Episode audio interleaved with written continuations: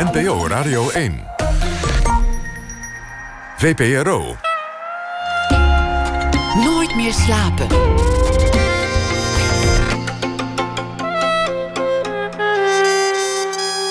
Met Pieter van der Wielen. Goedenacht en welkom bij Nooit meer slapen. Sinds een paar weken zijn we allemaal amateur-viroloog en amateur-epidemioloog. Het is al vaak gezegd, er zijn nu meer virologen dan bondscoaches in ons land.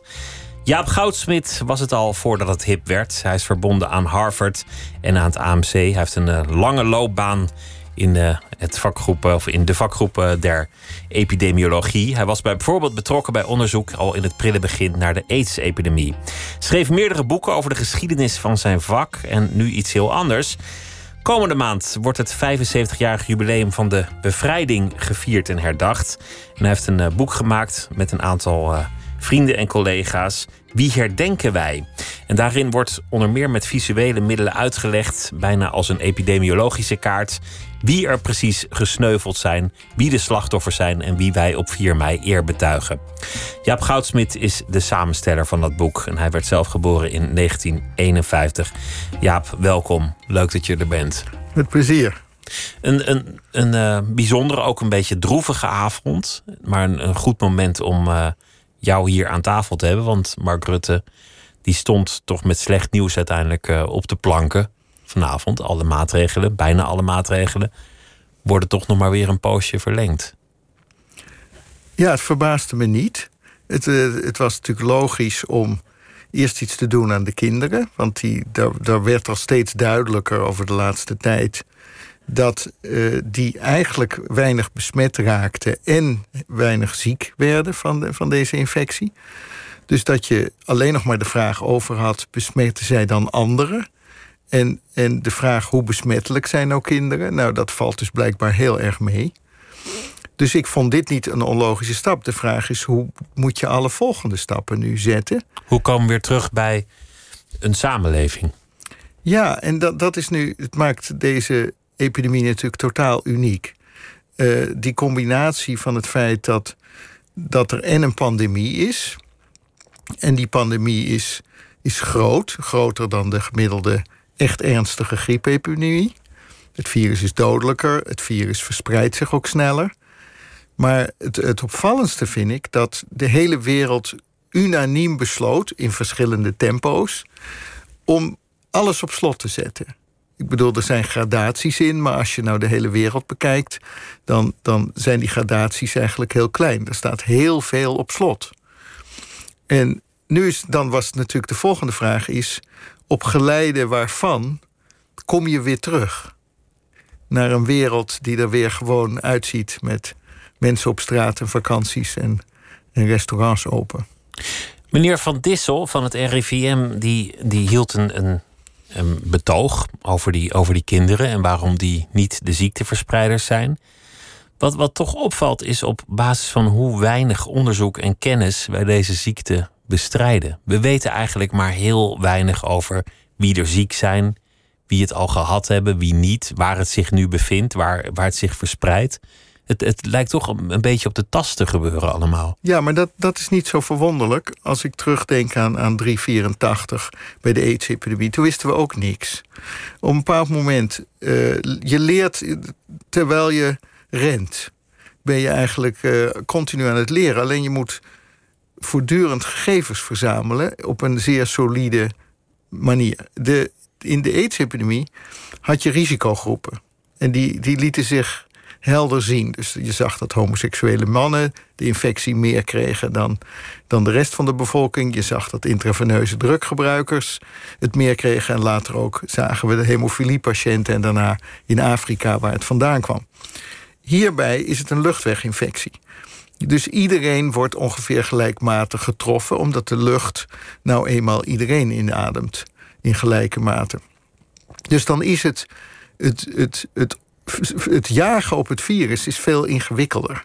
Het verspreidt zich snel en het uh, veroorzaakt acute ziekte. een paar dagen, ik bedoel, na zes, zeven dagen worden mensen ziek.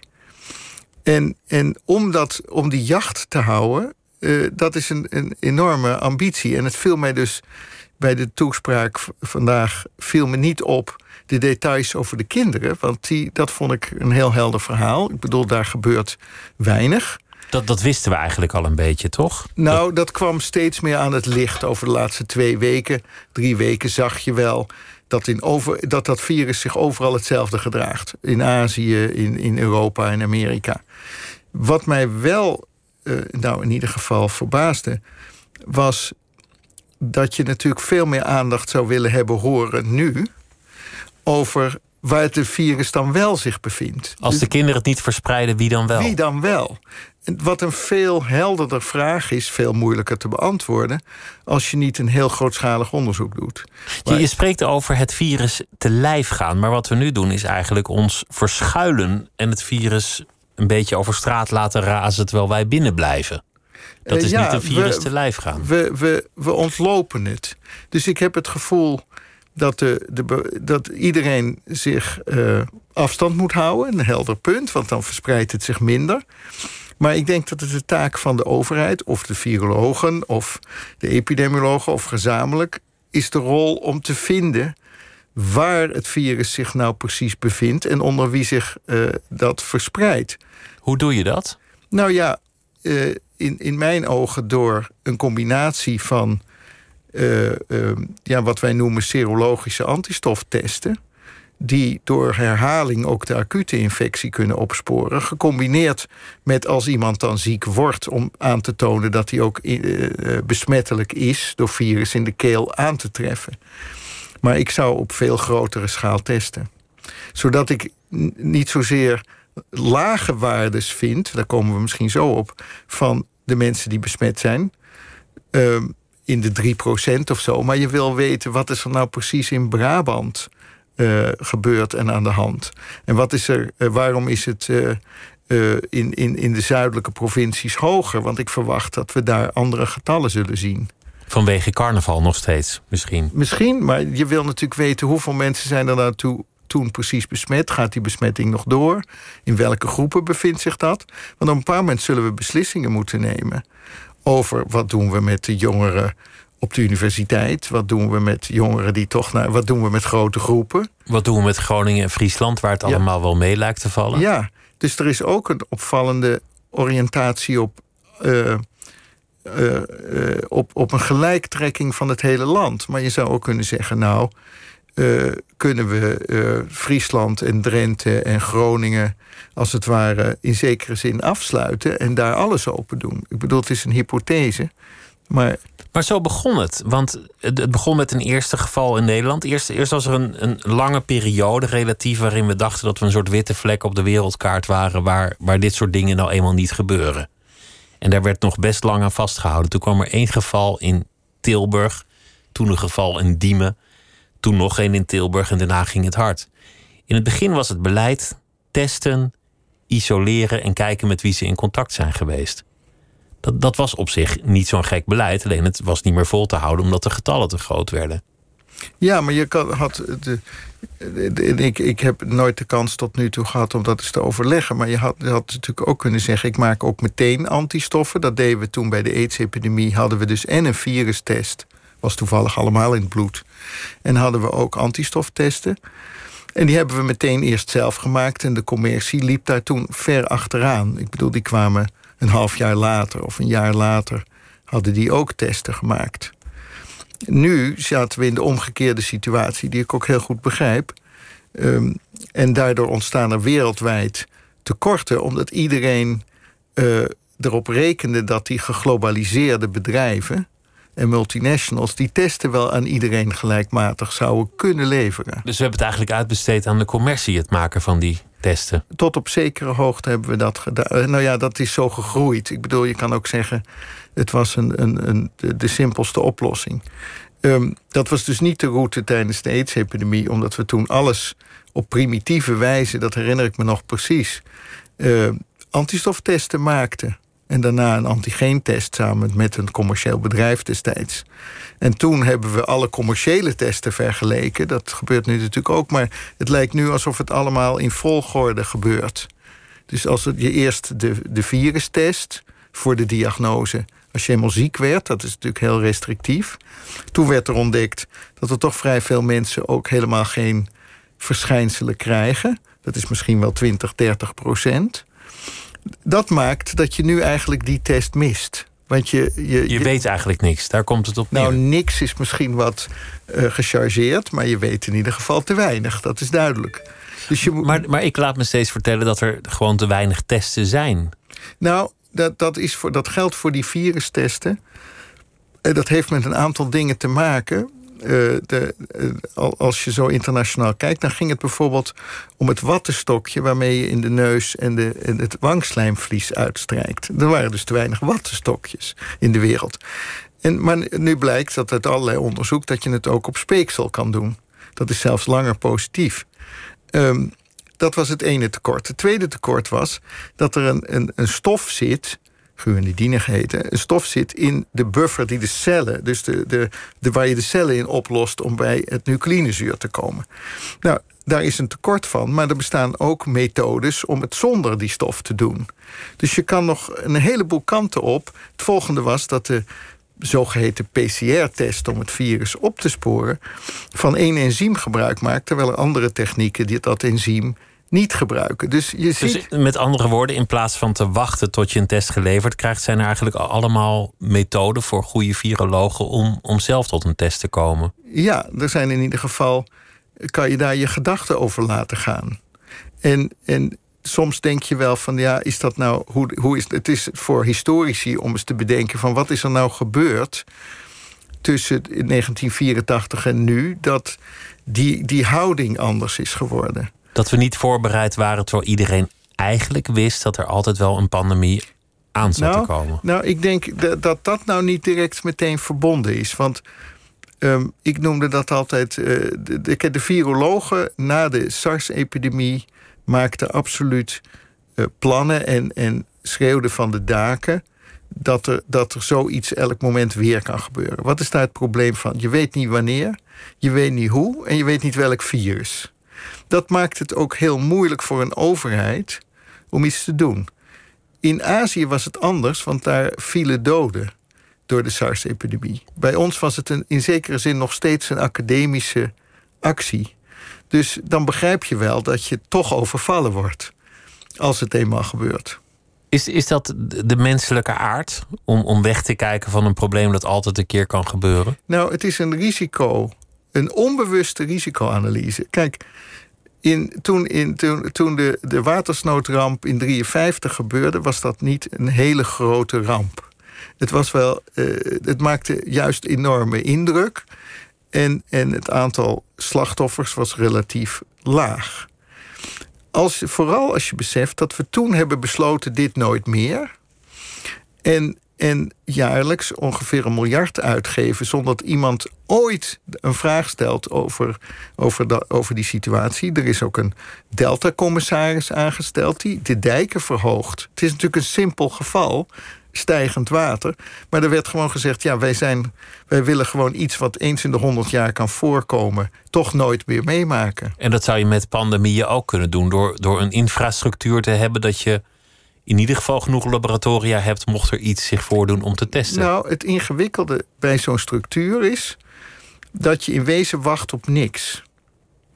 Dus nou, dat laboratorium, daar dat, zitten dan mensen te patiënten. Zich, nee, dat, dat laboratorium probeert steeds efficiënter...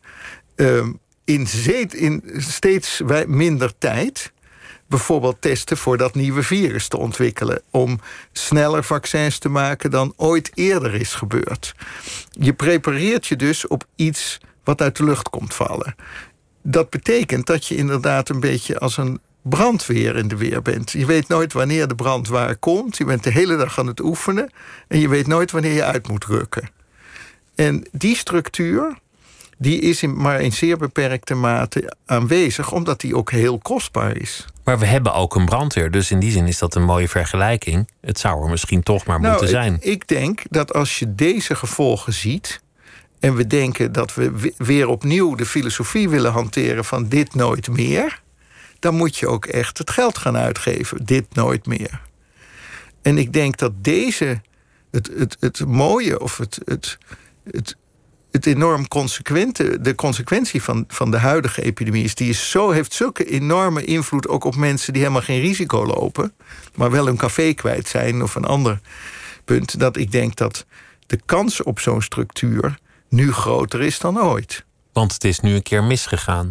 Maar hoe komen we hier nu uit? Want de strategie, voor zover ik, ik uh, Mark Rutte en, en Jaap van Dissel daar vanavond over hoorde, lijkt te zijn: we wachten op een vaccin of op een wonder. Nou, eh, daar zijn twee dingen over te zeggen. De, de oorspronkelijke filosofie was: moet ik wel aannemen dat er meer mensen in hoger tempo zouden worden besmet? De groepsimmuniteit. De groepsimmuniteit.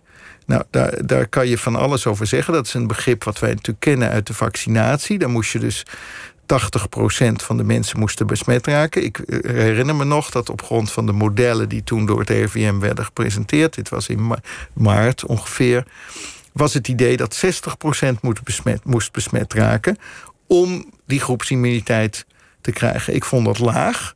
Maar ik dacht ook al, ja, en velen met mij, van dat haal je niet makkelijk. Vooral niet als je veel maatregelen gaat nemen. Die de infectiesnelheid naar beneden brengen. Dan, dan nou, wat blijkt nu? Uh, misschien zal het twee of drie keer de 3% zijn die uit het bloedonderzoek is gekomen van de bloeddonoren. Maar dan ben je er nog lang niet. Maar dan, dan kom je er ook niet. Dat is het punt. En nu, uh, want eh, dat, dat, dat kan wel uh, vijf jaar duren. Nou, daar ga je niet op wachten. Het hele land ligt stil. Dus je weet al dat je met deze lage infectiegraad... die misschien niet eh, in, in alle provincies hetzelfde zal zijn... maar dan zal die 20% in de provincies zijn als Brabant. Dat betekent dat je dus continu maatregelen moet nemen... Uh, uh, om, om, om te blijven kijken waar dat virus blijft. En die infrastructuur, die, die, die zou je nu moeten maken. We moeten nu dat virus te lijf gaan in plaats van ons verschuilen voor het virus. Ja, dat We denk ik wel. offensiever gaan denken. Veel en veel, veel agressiever achter dat virus aan. Dat wachten op een vaccin met aids, want, want, die vergelijking die, die trok je net, is dat er nooit gekomen. Terwijl de gedachte in het begin was, er zal weldra een vaccin zijn. Dat is nu ook de gedachte, dat vaccin zal er wel komen. Nou, dit, dit, dit is natuurlijk altijd heel moeilijk te zeggen. Um, je, kan het, je kan naar de extreme kijken. De, de, het geelzuchtvaccin tegen hepatitis B... Uh, wat uh, vooral seksueel overdraagbaar is en, en, en uh, ook met bloed overdraagbaar. Dat, dat heeft meer dan 40 jaar geduurd voordat het bij de mensen was die het nodig hadden toen was de kennis er al. We hebben het nu over de 70 jaren. Hoe, dat, hoe dat vaccin gemaakt moest worden. Nu heb je een situatie dat. Uh, en, gemiddeld duurt het toch echt wel vijf, zes jaar minimaal voordat je een vaccin van begin tot eind maakt. Het tweede, met een vaccin is het mislukt onderweg heel vaak. Dus dat is in, in de fases waar we nu nog niet eens in zitten, kan het nog heel erg mislopen. Dus we gaan nu een traject in waar er op gerekend wordt dat er over een jaar een vaccin is. Waarvan ik altijd zeg, of nu in ieder geval zou willen zeggen. Uh, we moeten in ieder geval rekening houden dat het niet over een jaar is. Maar je zou scenario's kunnen maken. Het is er over twee jaar, het is over drie jaar, het is over vijf jaar. Wat doe je dan tussendoor? Wat doe je dan tussendoor? Uh, heel hard werken aan therapie. Dus ik heb zelf het idee dat je meer aandacht nog zou kunnen besteden aan bijvoorbeeld plasmatherapie. Dus in, in plaats van wat wij noemen actieve immunisatie, wat een vaccin is, passieve immunisatie. Je dient iemand antistoffen toe. Antistoffen van mensen die al genezen zijn, die dat zelf hebben ja, aangemaakt. Ik, ik, ik, ik, zie dat als, als, een, als een route uh, die, die relatief snel kan en relatief hoge kans van slagen heeft als je uh, ook op een gok, vaccin gokt. Als je dat gelooft, dan kan dit ook werken. Als je maar hoog genoeg uh, niveaus van antistoffen in dat product krijgt. Maar het heeft nog een gigantisch groot voordeel. Het, je kan het lokaal maken. Want je hebt zelf die besmette mensen in het land en je hebt bloedbanken die dit kunnen. Dus je bent niet afhankelijk van, van andere landen. Want het is natuurlijk een deel van het probleem, ook met die testen de hele wereld staat in de rij voor alles. Nou, tenzij je dus allemaal eh, veel meer lokale productie. Dus je kan zeggen, nou, wij rekenen op dat er bij het eind van het jaar een zogeheten hyperimmuunglobuline is, wat een antistofpreparaat uit genezen mensen is. En, en, en dan hopen we dat daarna een vaccin is. Dus je kan het trapsgewijs opbouwen vanuit uh, een lokale situatie, die niet afhankelijk is van buiten de grenzen. Hoe is het om, om dit mee te maken voor jouzelf? Al zo lang bezig met dit vakgebied. We hebben het over een tekort aan, aan wattenstaafjes. Dan, dan, dan denk je, als je dat een jaar geleden had gezegd, dan, had je toch gedacht: we hebben het over een, een Afrikaans land of over een, in ieder geval een, een ontwikkelingsland ergens. Nou, het, het, heeft met die globalisering natuurlijk veel te maken. Het is, op een bepaald moment is de vaccinindustrie in de vijftiger jaren was er natuurlijk een hele levendige uh, vaccinindustrie in Nederland. Op een bepaald moment is, is een deel van het RIVM die toen nog vaccins maakte, is aan, aan, een, uh, aan, aan uh, het Serum Institute of India verkocht. dat was de productiedeel. Die maakte vooral polio, wat ik me herinner. En, en toen was er nog een soort van lokale productie. Die, die, als je die helemaal weer op zou willen bouwen, dat is bijna onmogelijk. Eh, omdat het natuurlijk heel veel investeringen kost om dat voor een relatief uh, kleine bevolkingsgroep te maken. Dus ga je al snel ook weer exporteren. Het is dus op zichzelf niet verwonderlijk dat. Uh, dat het een globale markt is geworden. Ja.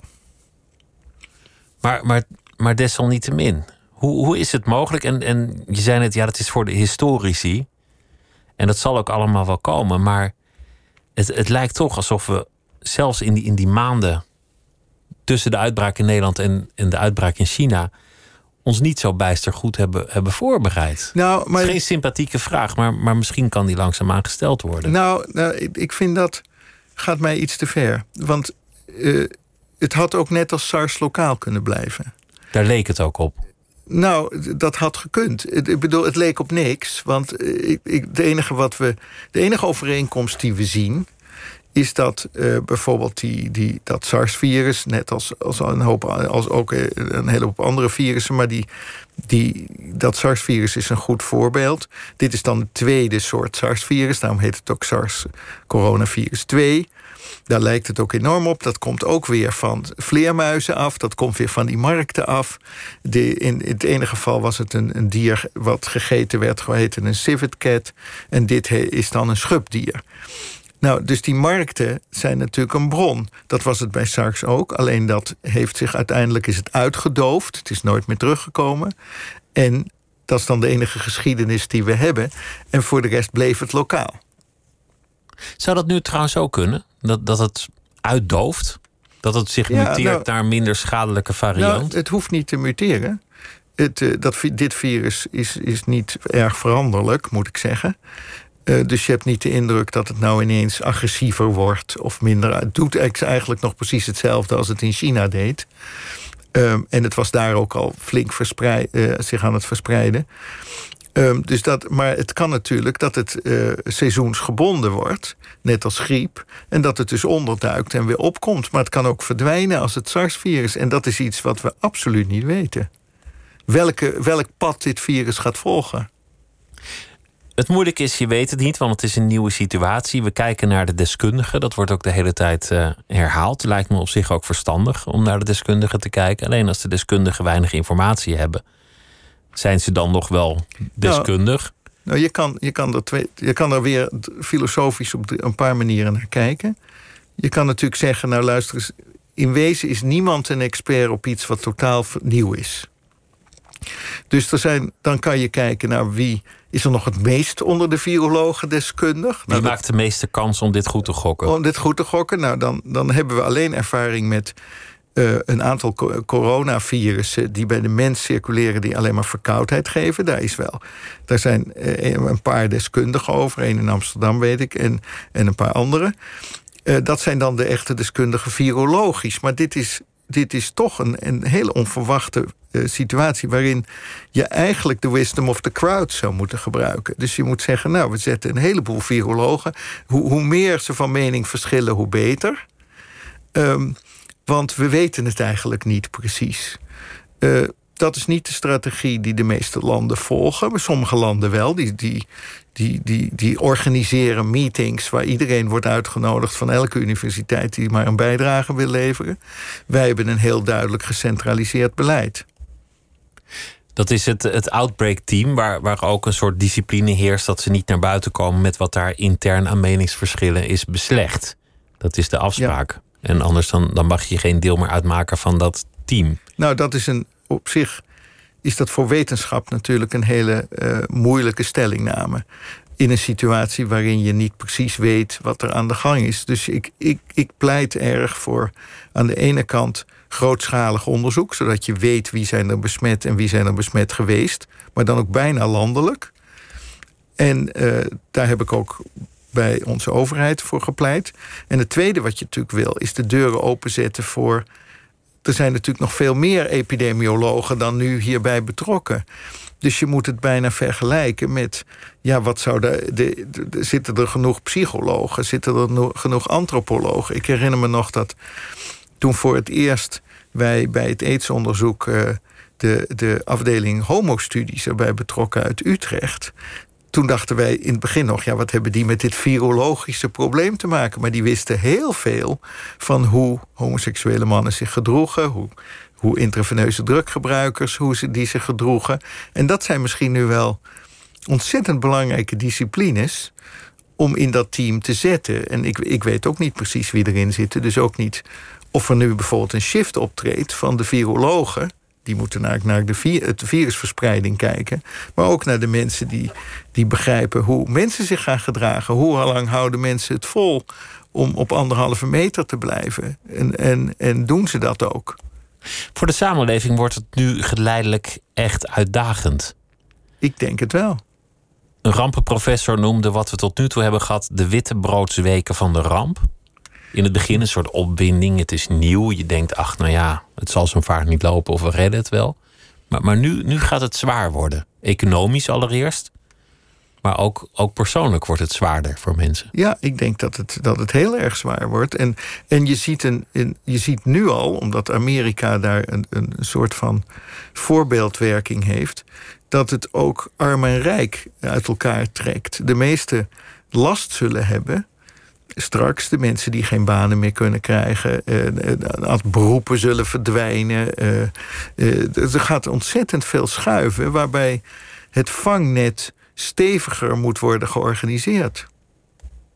Onze vrijheid staat onder druk. Dat, dat kan je toch nu inmiddels wel zeggen.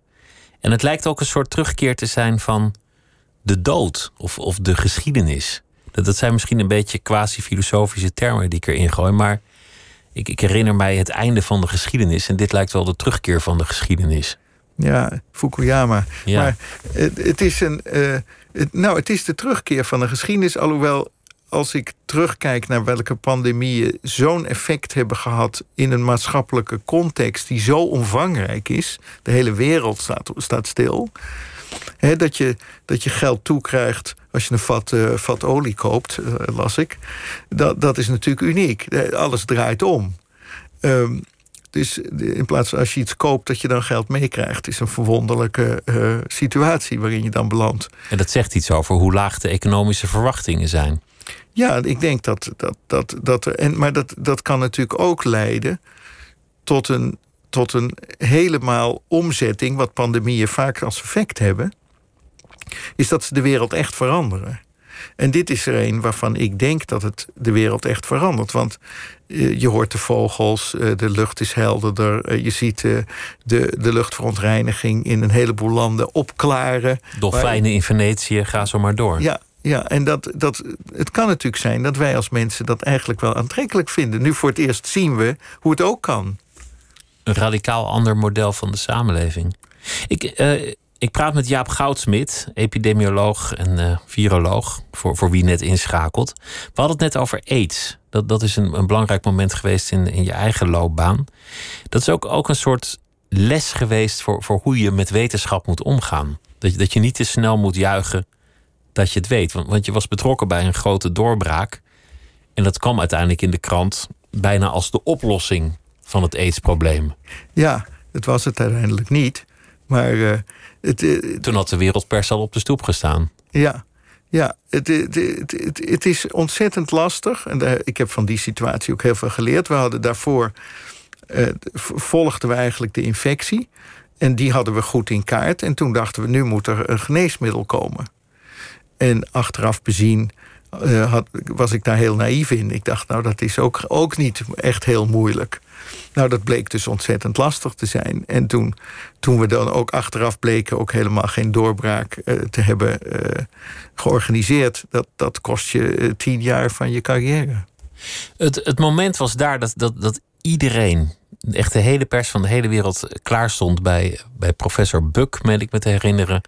Met de grote doorbraak, terwijl achter de schermen een aantal mensen nog eens kritisch naar de data had gekeken en gezegd: Je kan dit ook anders interpreteren. En nee, misschien hebben jullie wel niks. Ja, maar dat klopt. Ik denk dat dat ook een juiste analyse is. En achteraf bezien ben ik daar zelf, heb ik het gevoel, beter uitgekomen. Want je wordt aanmerkelijk zorgvuldiger door zo'n klap te krijgen. En, en, uh, die, en zeker als die publiek is. Dus, dus, dus je leert kleine stappen maken? Ja, je leert uh, alles nog eens uh, tien keer na te kijken. Dat, dat is nu ook aan de hand tussen, tussen deskundigen, tussen wetenschap en samenleving en politiek. Ze verwachten antwoorden, ze verwachten snelheid. Ja, er is, een, er is een, natuurlijk een. Dat heb ik misschien wel, wel het meest geleerd. Is dat er is. Kijk, wetenschap is twijfelen. Wetenschap is niet is zekerheid verschaffen. Dat is een godsdienstig concept van, van wetenschap. Um, er wordt altijd wel verwacht dat een deskundige iets weet. En dat hij het ook heel zeker weet. En je leert natuurlijk, en ik misschien wel steeds leerde steeds beter, dat ik moet zeggen dat ik na die bugzaak een betere wetenschapper ben geworden dan ik ervoor was. Door de twijfel te erkennen. Ja, en door de hele tijd maar te denken: goh, ik weet toch wel een heleboel niet. Daar moet ik achter zien te komen. Socratische wijsheden zijn dat. Ik wil het straks met je hebben over je eigen persoonlijke achtergrond en ook over het, het boek waarvoor, waarvoor we je hebben uitgenodigd. Wie herdenken wij op 4 mei? Maar we gaan eerst luisteren naar muziek die je hebt meegebracht. En dat is uh, Eric Clapton. En ik was eigenlijk benieuwd waarom je dit hebt meegebracht. Ja, nou ja, ik herinner me ineens. Ik luister eigenlijk het meeste naar klassieke muziek. En uh, dit was toevallig iets wat, en dat is misschien ook wel wat ik met mijn vrouw besprak: van wat zal ik nu eens voor muziek, als we daar een muziekje tussen draaien, wat vind, vinden wij dan alle twee een erg goed nummer? En toen kwam dit vrij snel naar boven. Get Lost heet het.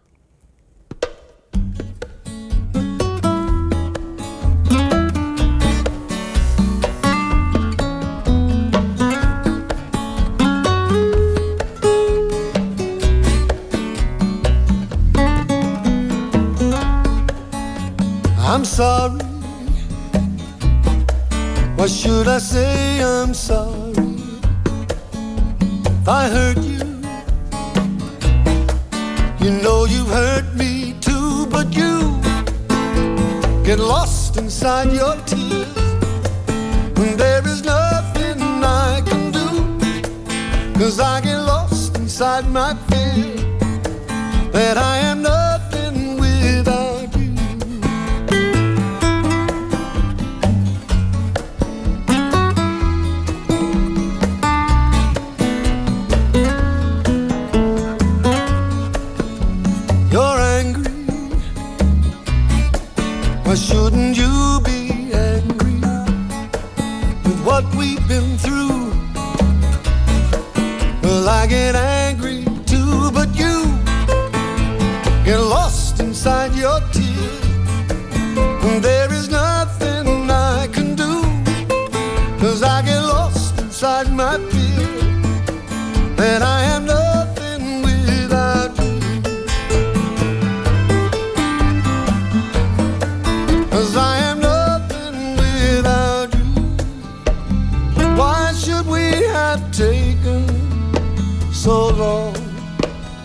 looking inside of our mind. Everything we tried went wrong. Are we worried about what we might find?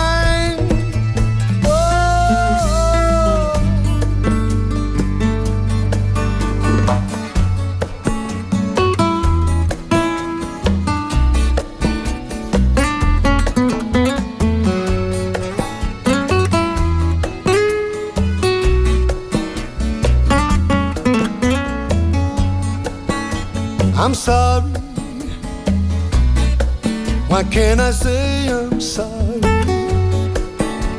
I hurt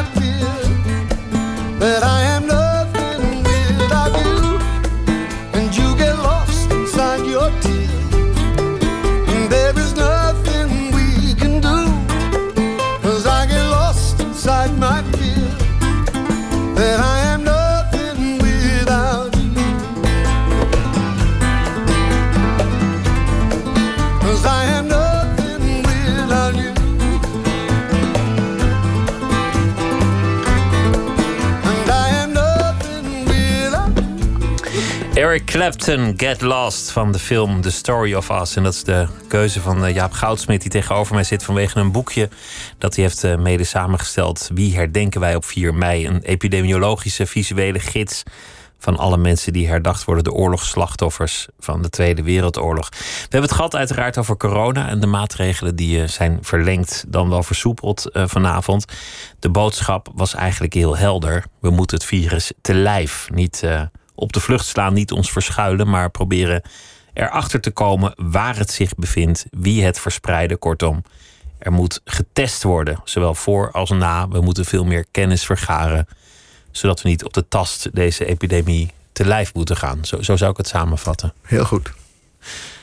Je stamt uit, uit een familie van dokters. Ja.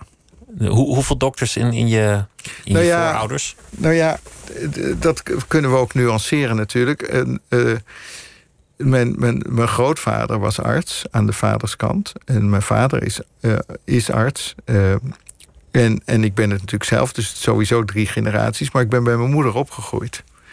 Dus, En die was documentairemaker. en die was documentairemaker. Maar ik had een. Eh, mijn grootmoeder was getrouwd met een, eh, ook een arts, patholoog-anatoom. Die eh, dus de, do- dode mensen onderzoekt.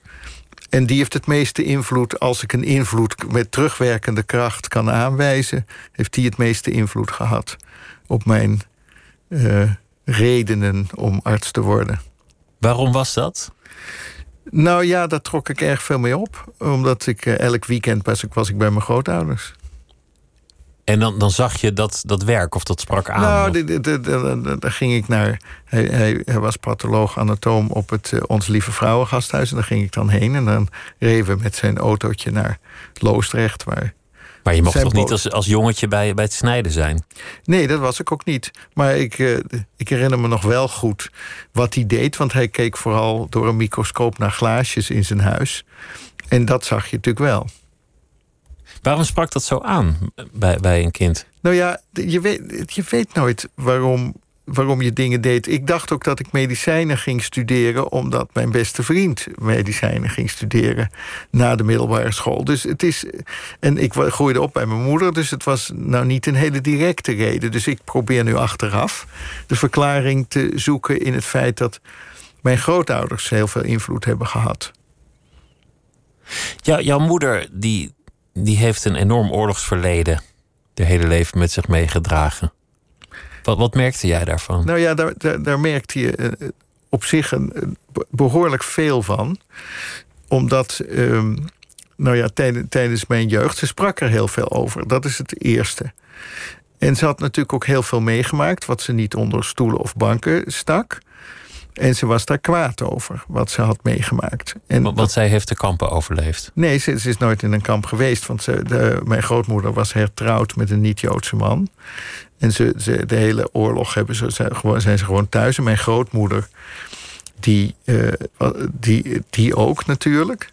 Dus van mijn moeders kant. eh, hebben we, hebben we, dit zijn de verliezen vooral de overgrootouders. Maar dat heeft mijn moeder erg getekend. Omdat toen zij 13 was, werden de, mijn, haar grootouders, dus mijn overgrootouders, uit haar ouderlijk huis, later het mijne, uit haar ouderlijk huis weggevoerd naar Auschwitz. En dat heeft mijn moeder voorgoed getekend. Want zij zag dat. Zij, zij was daarbij. Zij was daarbij. Toen was ze 13, dus ook heel bewust. Heeft ze dat meegemaakt. En zij. En dat, dat was uh, in eerste instantie door Nederlandse politieagenten. Later kwam de SS nog een keer terug om, uh, of de SD, maar om, om, om ze op te halen. Maar dat heeft er enorm kwaad gemaakt. De rol van die Nederlanders. Ja. Dat die, dat, die Ja. dat zomaar deden, dat die meewerkten. Ofwel Ja. soms meer dan dat. Ja. En, en dat heeft ze eigenlijk na de oorlog eh, in, in, eigenlijk in al haar films gelegd. Dus zij, tot, waar, uiteindelijk wou ze bij haar sterven. Dus dat was in 2017, op 17 november. eh, wou ze ook, die had, ze helemaal geanceneerd en mij verteld wat ze precies wou op die, eh, eh, op die dag in Desmet. Want, nou, dat het allerbelangrijkste was dat haar film ehm, eh, Elke stip is tien Joden werd vertoond. Wat de, eigenlijk de collaboratie met de Duitsers is in Amsterdam.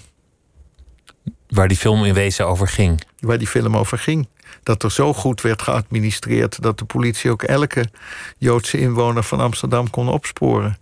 En daar komt in zekere zin dit boek ook vandaan. Omdat ik eh, bleek dat ik deze, dit verhaal van mijn eigen familie in wezen niet goed kon plaatsen in het geheel van herdenken.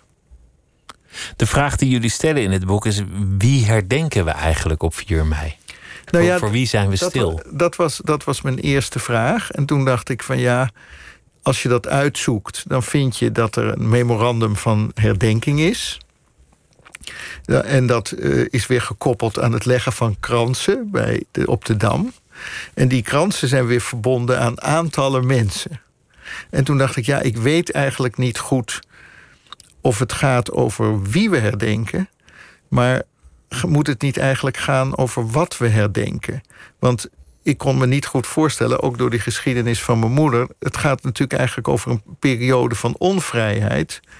En daarna kan je het pas herkennen wat die vrijheid was. En als je dat nou niet meer hebt meegemaakt, zoals in mijn geval, na de oorlog geboren tenslotte, dan vraag je je natuurlijk onmiddellijk af van ja, het is niet, eigenlijk niet wie we herkennen. Het is wat we herdenken op 4 mei, maar wat we precies herdenken. En dan kom je eigenlijk bij de doelstelling van het waarom van herdenken. Wat, wat bedoel je met niet wie, maar wat? Nou, je, je, je, je, als je teruggaat in de geschiedenis, dan, dan, dan als je die mensen herdenkt, dan zijn die het slachtoffer geworden voor het grootste deel van een onvrije situatie. Waar de, of door verzet, of door het bij toeval, maar ook vooral door bijvoorbeeld eh, de Joodse slachtoffers die er waren. En toen dacht ik, ja, zonder die onvrijheid kan die vrijheid niet gevoeld worden. En die hebben wij natuurlijk niet meegemaakt. En vooral vond ik dat ingewikkeld, omdat het gekoppeld werd aan dit nooit meer. En dat is een nog ingewikkelder concept, want het betekent dat je, als je teruggaat in de geschiedenis, al in 1933 zou hebben kunnen voorzien hoe erg het twaalf jaar later zou zijn geworden. Dus ik was geïnteresseerd in hoe moet ik omgaan met, met 295.000 doden die zijn gevallen. En laat ik nou maar gewoon eens in kaart brengen. Ik nam aan dat dat al gebeurd was, een keer. Dat bleek alleen in 1946 één keer gebeurd te zijn door het destijdse Bureau voor Statistiek. Twee Oostenrijkers hebben dat gedaan. Werkte in Nederland. Ehm, was ook kunstenaar en die had dat ook in beeld gebracht. En daar bleken nog heel veel mensen vermist te zijn. Niet zozeer in 46 de Joodse slachtoffers, die waren goed in kaart. Al meteen in 46 bleek uit zijn eh, eh, visualisatie. Maar er bleken dus eh, honderdduizend mensen zoek te zijn... waarvan ze niet precies wisten. Nou, dat, dat, toen bleek dat dus op het moment dat wij dit boek gingen maken... ook nog niet helder in kaart. Dus bijvoorbeeld, we wisten nog... ik eh, merkte dat we nog niet goed in kaart hadden... eh, bijvoorbeeld de Indische slachtoffers. Of je had niet goed in kaart. Het was allemaal in fragmenten verdeeld. Dus Dit is eigenlijk een soort epidemiologische studie, zoals je dat met een, met een ziekte zou doen. Waar bevindt de ziekte zich, of, of waar bevinden de, de doden zich, de sterfgevallen? In welke groepen kun je ze onderverdelen? Waar zijn ze gesneuveld? Waarom zijn ze gesneuveld? Waarom? En, en dat is ook het verschil tussen wie en wat. Want het gaat niet om de persoon. Het gaat niet om, om Anne Frank bijvoorbeeld, maar om wat. Want zij was Joods. En daarom is ze vermoord. Ja, nou dat was interessant. Er waren twee vrienden van ons die mij op een aantal dingen wezen die ze ingewikkeld vonden. Uh, het eerste, uh, toen, als ik, toen ik de, onze eerste plaatjes aan wat vrienden liet zien, toen zei een daarvan. Die zei: Ja, het is toch wel interessant uh, dat de Joodse slachtoffers, maar ook de Roma en Sinti, worden, die worden ondergebracht in een categorie. En die categorie is dat ze vermoord zijn om wie zij waren. En dat, die zei tegen mij: Ja, dat, dat is eigenlijk onjuist. Het is om wat ze waren. Maar om wat ze waren. Het gaat om groepsdenken. Ja, het gaat om groepsdenken. En dat was interessant, want bijvoorbeeld je had de Joodse slachtoffers... maar ook de Roma en Sinti, dus om wat ze waren. En daarnaast had je dus de categorie burgerslachtoffers. Maar ook de Joodse slachtoffers waren burgerslachtoffers. Dus het is eigenlijk raar. Dus wij noemen het in ons boek de overige burgerslachtoffers. Nou, zo zijn er dus steeds dingen ook in, de, in het taalgebruik... maar ook in de geschiedenis van het herdenken sinds de oorlog... ontzettend veel veranderingen in dat denken hebben plaatsgehad. Zo, zo las ik in, in dit boek dat de Joodse slachtoffers pas vanaf de jaren 60 op 4 mei officieel worden herdacht. Ja, dat klopt. Dat, dat, dat is rijkelijk laat achteraf bezien. Ja, omdat direct na de oorlog um, heel helder twee dingen voor ogen stonden. Dat was, en daar bevond zich ook de strijd tussen. Dat is dat je had. Uh, het herdenken is eigenlijk ontstaan vanuit het verzet.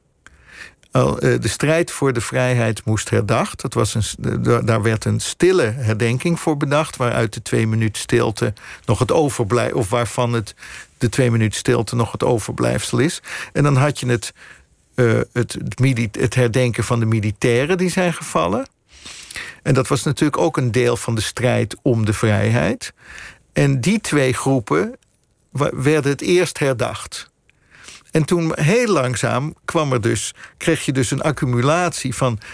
Voor, dus het duurde tot 66 dat de mensen die het slachtoffer waren van de onvrijheid en de onderdrukking. een onderdeel werden van het herdenken. De, deze studie is ook visueel heel mooi vormgegeven. Het, het maakt het zeer inzichtelijk hoe, hoe dit nou ja, eruit heeft gezien, wie waar om het leven is gekomen. We, begonnen dit gesprek met corona en ik, ik las in de krant gisteren uh, een stuk dat het antisemitisme lijkt toe te nemen. Dat er meer antisemitische incidenten zijn gemeld wereldwijd door corona. Dat, dat is heel primitief. Het doet denken aan de, de pogroms na de pest in de middeleeuwen. Maar het, het lijkt erop dat het werkelijk zo is. Dat het, dat het oplaait door deze nou ja, pandemie. Ik zou die verbinding niet onmiddellijk zien. Ik, wat natuurlijk wel zo is, is dat er is nu een soort universele onvrijheid. Hè? Ik bedoel, de, er worden geen uitzonderingen op gemaakt. Dus ik, ik maak die vergelijking nou niet onmiddellijk. Om, ik bedoel, het is meer een nationaal event wat we nu meemaken, wat alleen maar eh, naast de oorlog is dat eigenlijk nooit voorgekomen.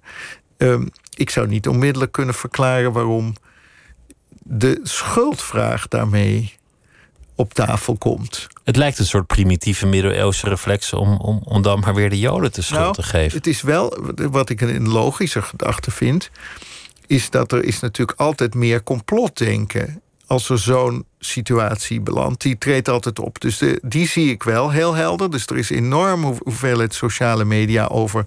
is dat virus niet in een laboratorium door de Amerikanen gemaakt... door de Chinezen gemaakt? Is het niet ontsnapt uit een uh, laboratorium? Dat zie je toenemen en dat verklaar ik zelf altijd als de gedachtegang... dat dan is het tenminste door mensen bedacht. Dan, dan zijn we niet aan de natuur overgeleverd. Precies, precies. En dat is grijpbaar. En dit is ongrijpbaar. En dit is ongrijpbaar. In hoeverre is jouw eigen jeugd getekend door, door het trauma van je moeder? Nou, ik denk meer dan ik dacht. Ik bedoel, ik heb allemaal karakteristieken die, die, waarvan ik denk dat ze ermee te maken hebben. Ik geef je een voorbeeld. Ik ben altijd op tijd. Nou, dat is een, een eigenschap waarvan ik vroeger altijd dacht... ja, ik ben gewoon altijd op tijd. Dat is een goede eigenschap, zou Goede ik zeggen. eigenschap, maar dat heeft wel degelijk te maken met het feit dat mijn moeder... als ik één minuut te laat was op de middelbare school van een feestje...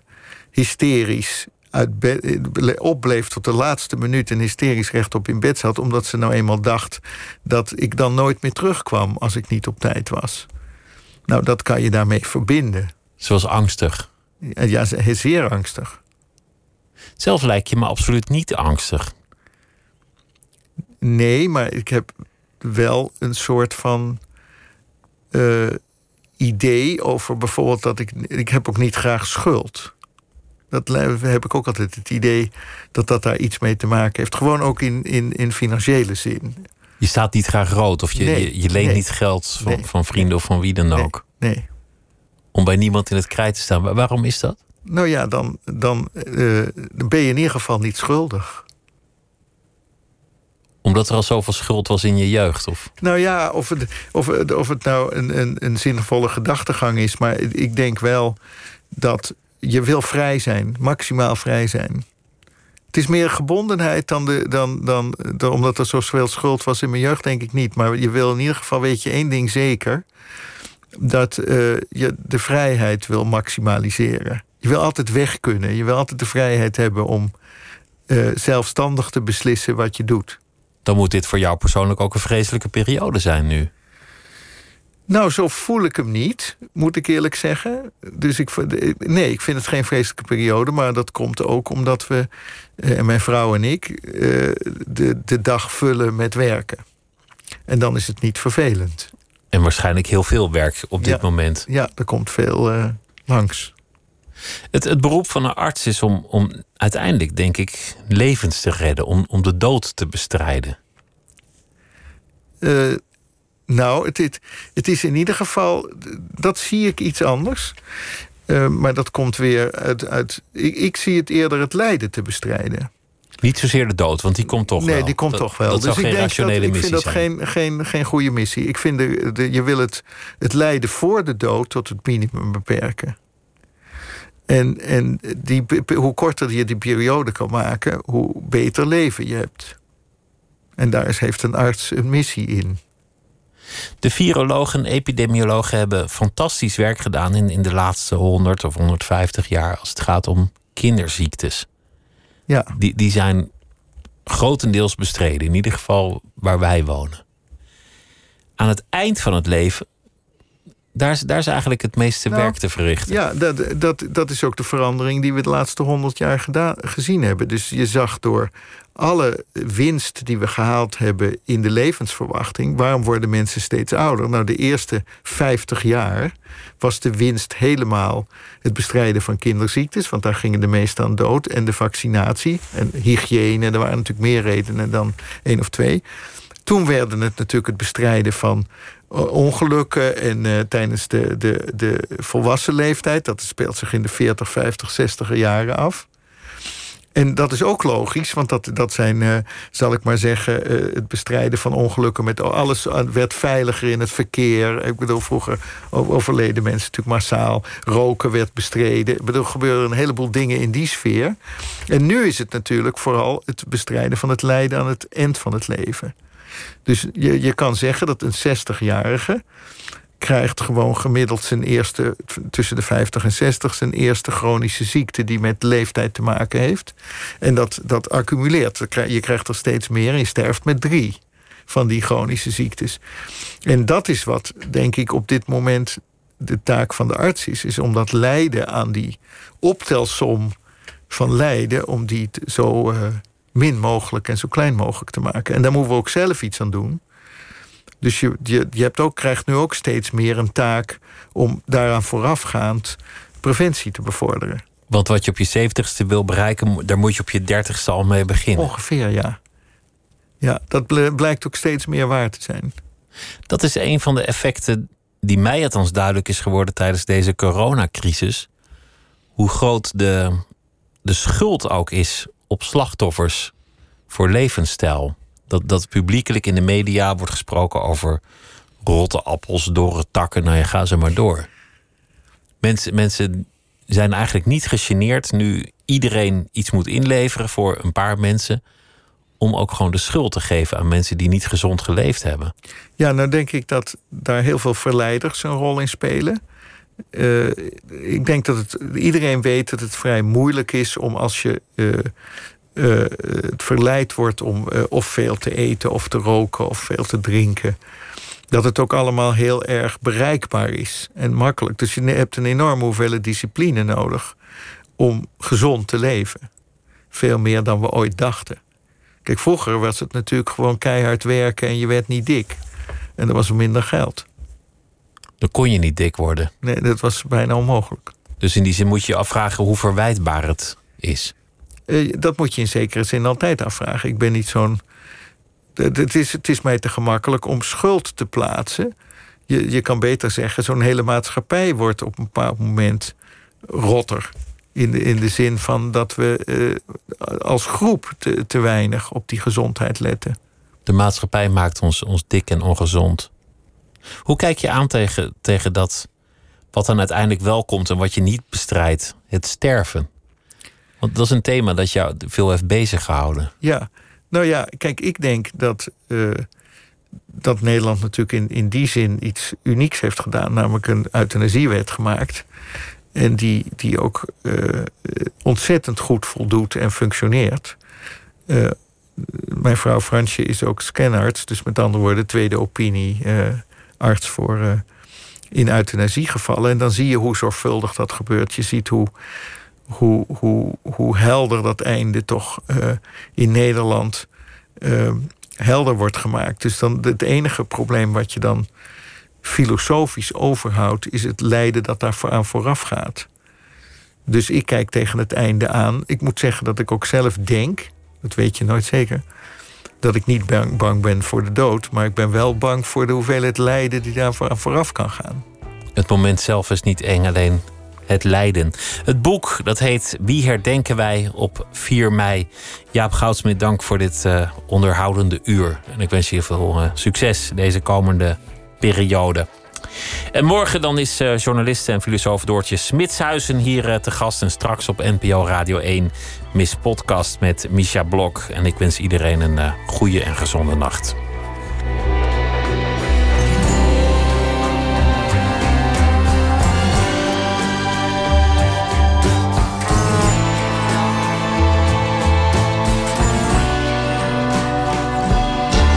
Op Radio 1, het nieuws van alle kanten.